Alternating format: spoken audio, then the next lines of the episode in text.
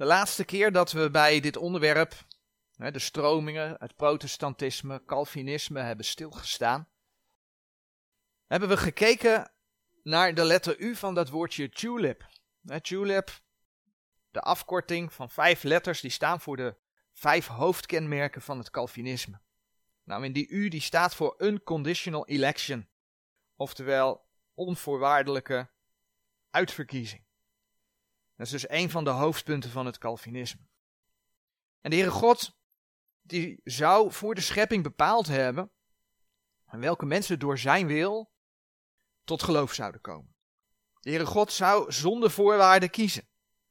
En die verkiezing die zou dan ook niet ongedaan gemaakt kunnen worden. Die zou niet veranderd, niet herroepen kunnen worden.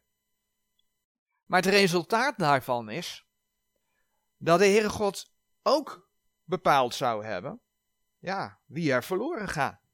Wie er dus dan onherroepelijk naar de hel gaan. En dat is volgens die leer, is dat zo. We hebben dit onder andere gezien aan de hand van uh, regel 5 en 6 van hoofdstuk 1 van de Dordtse leerregels. Een van de drie formulieren die door de protestantse kerken gehanteerd worden.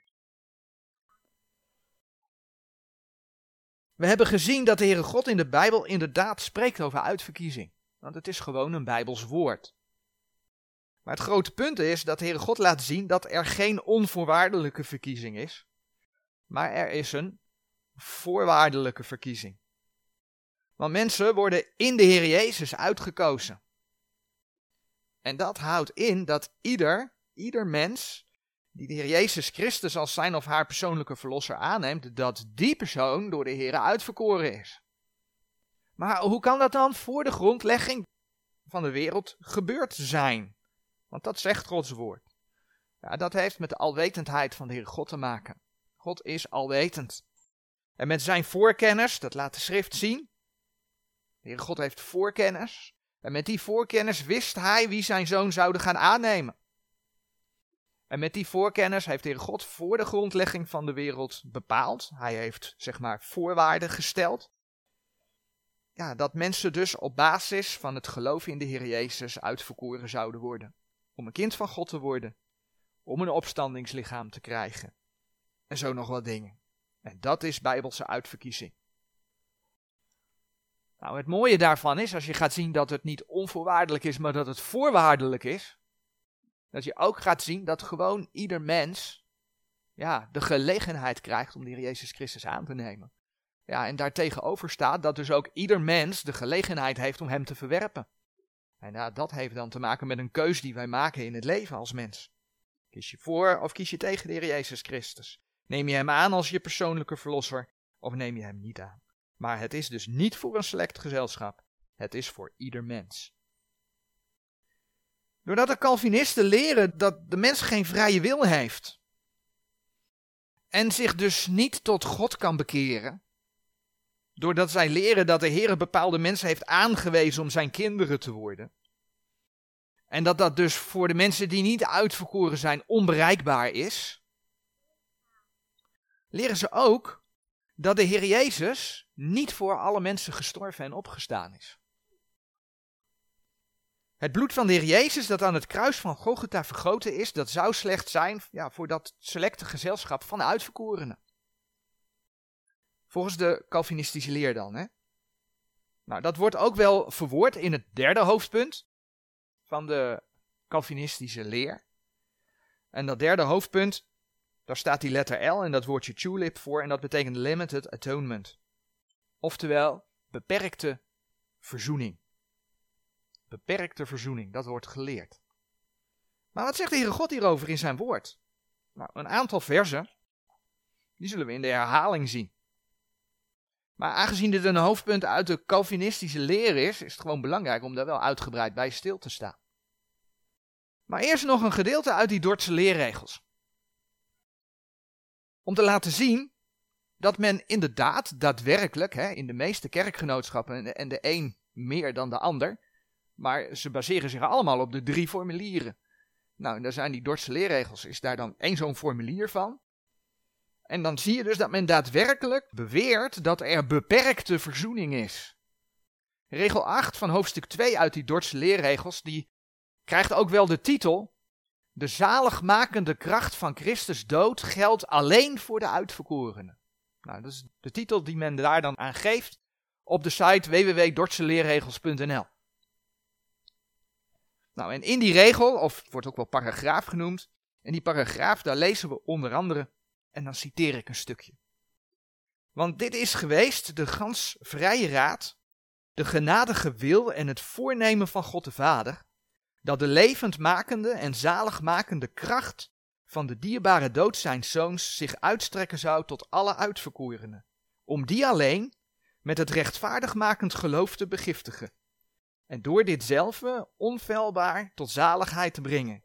Dat is, God heeft gewild dat Christus door het bloed zijns kruises, waarmede hij het nieuwe verbond bevestigd heeft, uit alle volken, stammen, geslachten en tongen, diegene allen en die alleen krachtiglijk zou verlossen, die van eeuwigheid tot zaligheid verkoeren en van de Vader hem gegeven zijn. Nou, ik hoop dat het duidelijk is uit dit stukje dat er heel duidelijk gezegd wordt, die alleen. dus alleen de uitverkorenen, daar is de Heer Jezus Christus voor gestorven. Klip en klaar, gewoon in de formulieren van ja, de protestantse kerk. Kerken, om het maar zo te zeggen. Dus het bloed van de Heer Jezus zou alleen voor de uitverkorenen van God zijn.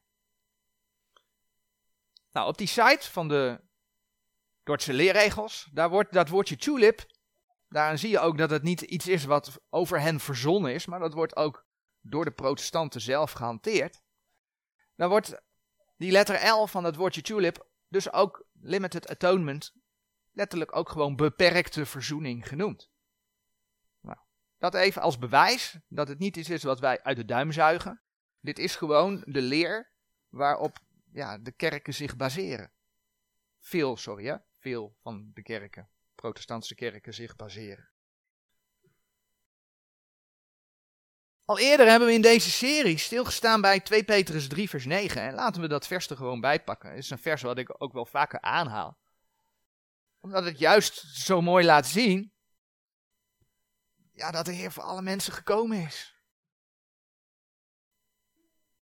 In 2 Petrus 3 vers 9 daar lezen we 2 Petrus 3 vers 9.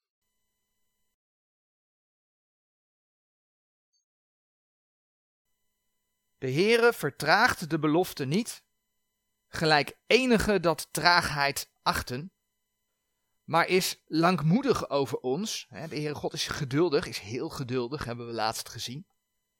Niet willende dat enigen verloren gaan, maar dat zij allen tot bekering komen. Hier staat wat Gods wil is.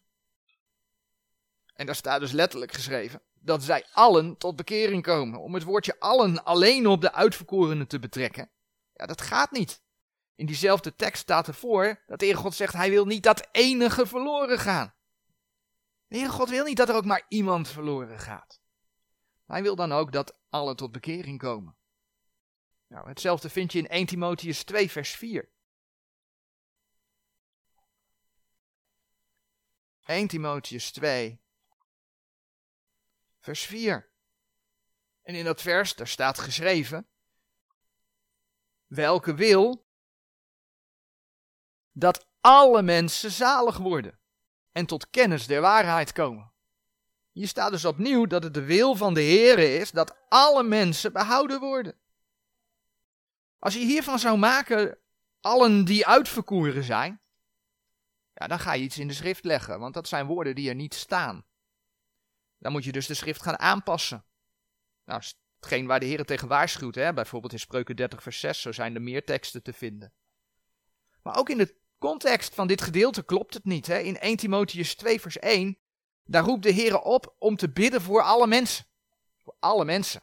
Nou, als dat, die alle mensen staat voor de uitverkorenen, dan zou dat ook hier voor de uitverkorenen staan. Maar in vers 2 lees je dat de Heere God dan bijvoorbeeld oproept om te bidden voor de koningen. Nou, de koning in Paulus' dagen was keizer Nero. Dat was absoluut geen uitverkorene of wederomgeborene.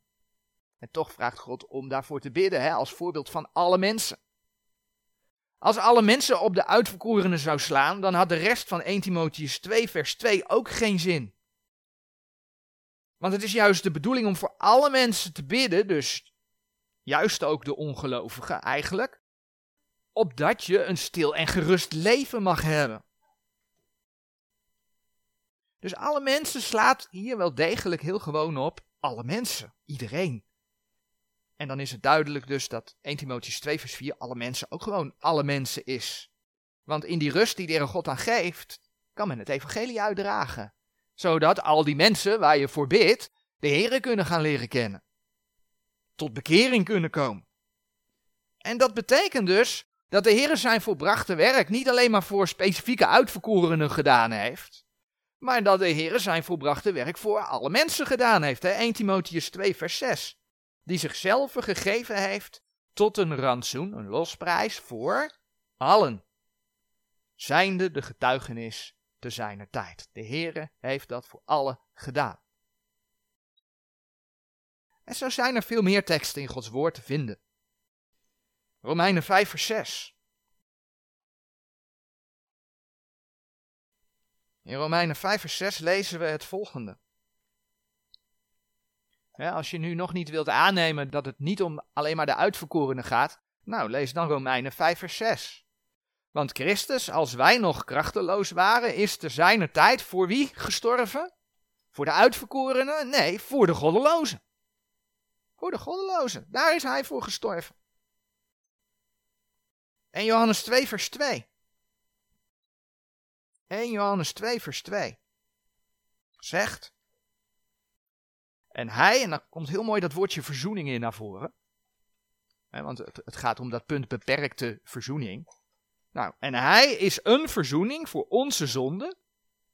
En niet alleen voor de onze, maar ook voor de zonde der gehele wereld. Gehele wereld.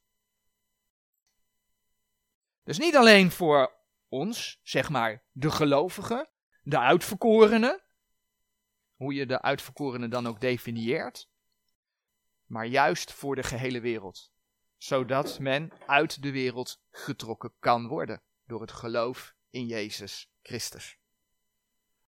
Het blijkt ook uit een vers als 2 Petrus 2 vers 1. 2 Petrus 2 vers 1. En er zijn ook valse profeten onder het volk geweest, Gelijk ook onder u valse leraars zijn zullen, die verderfelijke ketterijen bedektelijk invoeren zullen. Ook den Heere die hen gekocht heeft verlogenende en een haastig verderf over zichzelf verbrengende. Het gaat hier over valse leraren die verderven, maar dan is de vraag dus, betekent dat verderven hier dat ze verloren gaan? Omdat ze niet wederom geboren zijn. Als je naar de context gaat kijken, dan weet je dat het niet om geredde leraren gaat. Als je vers 3 bijvoorbeeld leest, en zij zullen door gierigheid met gemaakte woorden van u een koopmanschap maken, over welke het oordeel van overlang niet ledig is, en hun verderf sluimert niet. Vers 12. Maar deze als onredelijke dieren die de natuur volgen en voortgebracht zijn om gevangen en gedood te worden, terwijl zij lasteren, hetgeen zij niet verstaan, het zijn mensen die niet eens weten waar het over gaat, zullen in hun verdorvenheid verdorven worden. Dit gaat over mensen die zich voordoen als leraren, maar niet eens de Heer kennen. Het zijn valse leraren. En daarvan zegt de Heer dus in vers 1, die hen gekocht heeft, verlogenende. Maar dus ook die valse leraren zijn gekocht door het bloed van de Heer Jezus Christus. Maar zij verlogenen hem. Nou, als een onverzoener deze teksten leest, dan zegt hij, zie je wel, de Heer Jezus is voor alle mensen gestorven. Dus iedereen is behouden. Maar dat klopt bijbels gezien dus niet. Nou, deze serie gaat niet over alverzoening. Maar mocht je daar meer over willen lezen, hè, want dat, dit, dit raakt het wel. Mocht je daar meer over willen lezen, kun je op de site kijken, www.bijbelengeloof.com, onder het menu stromingen en secten. En daar zie je ook een submenu alverzoening. En daar staan een aantal artikelen in en die gaan hierop in. Maar als niet iedereen automatisch behouden is, hebben dan de Calvinisten gelijk dat het volbrachte werk van de Heer Jezus, ja, alleen voor de uitverkorenen is. Dus even los van hoe je naar de uitverkorenen kijkt. Nee, Calvinisten hebben geen gelijk, want de Heer zegt in zijn woord dat hij alle mensen gekocht heeft. Dat hij voor alle mensen gestorven is. En dat hij wil dat alle mensen gered worden. Dus hoe zit dat dan? Nou, als we naar 2 Korinthe 5, vers 19 en 20 gaan, dan lezen we daar de volgende versen. 2 Korinthe 5, vers 19 en 20. Want God was in Christus de wereld met zichzelf verzoenende, hun zonde hun niet toerekenende en heeft het woord der verzoening in ons gelegd. Zo zijn wij dan gezanten van Christus wegen, alsof God door ons baden. Wij bidden van Christus wegen, laat u met God verzoenen. Nou, in vers 19 lees je heel duidelijk dat de Heer Jezus de wereld met zichzelf verzoend heeft. Dus niet alleen uitverkorenen. Maar in vers 20 lees je waarom niet iedereen gered is. Want je moet de verzoening namelijk toepassen. De oproep is voor alle mensen: laat u met God verzoenen. Oftewel, je moet de verlossing als mens wel persoonlijk aannemen, want dan ben je persoonlijk gered en dan heb je persoonlijk vrede met God. Nou, een heel mooi voorbeeld daarvan vinden we in het boek Numeri. Nummer 21, vers 8 en 9. Waar we lezen over Mozes die een slang moest maken en die op een stok, op een stang moest plaatsen. Nou, we gaan de versen lezen. Wat er dan gebeurde. Nummer 21, vers 8 en 9. En de Heere zeide tot Mozes, maak u een vurige slang en stel ze op een stang. En het zal geschieden dat al wie gebeten is, als hij haar aanziet, zo zal hij leven. En Mozes maakte een koperen slang en stelde ze op een stang. En het geschiedde als een slang iemand beet. Zo zag hij de koperen slang aan en hij bleef levend. Door ongehoorzaamheid van het volk stuurde de Heere God slangen onder hen. En heel veel van de mensen werden gebeten en ze stierven. Dat lees je in de context. En toen moest Mozes die koperen slang op die stok, op die stang maken, zodat het volk gered zou worden. Maar dan komt het, men moest wel zelf op die slang kijken. Om daadwerkelijk gered te worden. Het was niet zo dat toen Mozes die slang daar neerzette, dat de plaag ophield. Nee, ze moesten zelf op die slang zien. Dat is wat je daar leest. En dit voorbeeld, en daarvoor bladeren we naar Johannes 3. Dit voorbeeld ziet op het verlossingswerk van de Heer Jezus. Het is eigenlijk een profetische heenwijs. En in Johannes 3, vers 14 en 15 lezen we dat.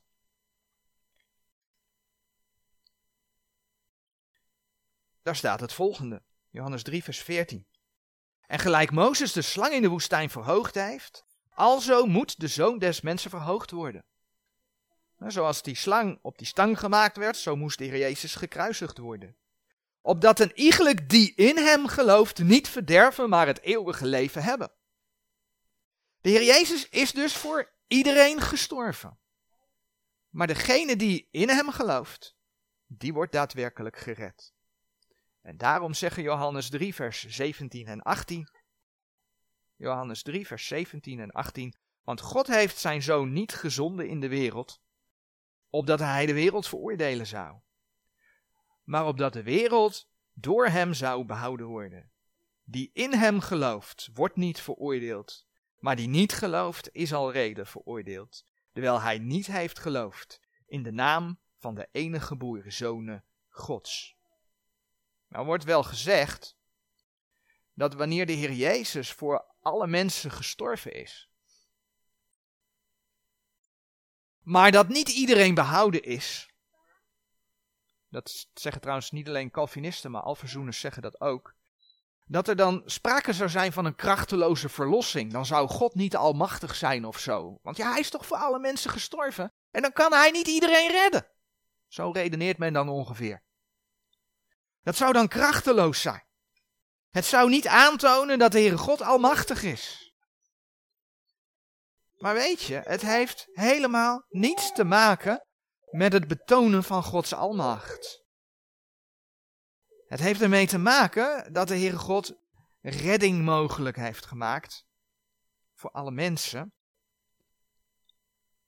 Dus geen beperkte, maar een universele verzoening. En daar heeft het mee te maken, hè? universeel voor iedereen. En om dat voor iedereen mogelijk te maken, ja, heeft ook dit een voorwaarde. Er is gewoon een voor. God stelt voorwaarden. En ja, dat is Gods almacht. Hij mag het bepalen. En hij heeft bepaald dat je zijn zoon nodig hebt om gered te worden. En dat is die voorwaarde. Dus het gaat om het geloof in Jezus Christus. De leer van de beperkte verzoening is dus geen bijbelse leer, maar is een leer der mensen. Het is ja, Gods leer verdraaid. Er worden bijbelse woorden gebruikt, maar men maakt er iets anders van. Het is een leer der mensen en niet een leer van God. Amen.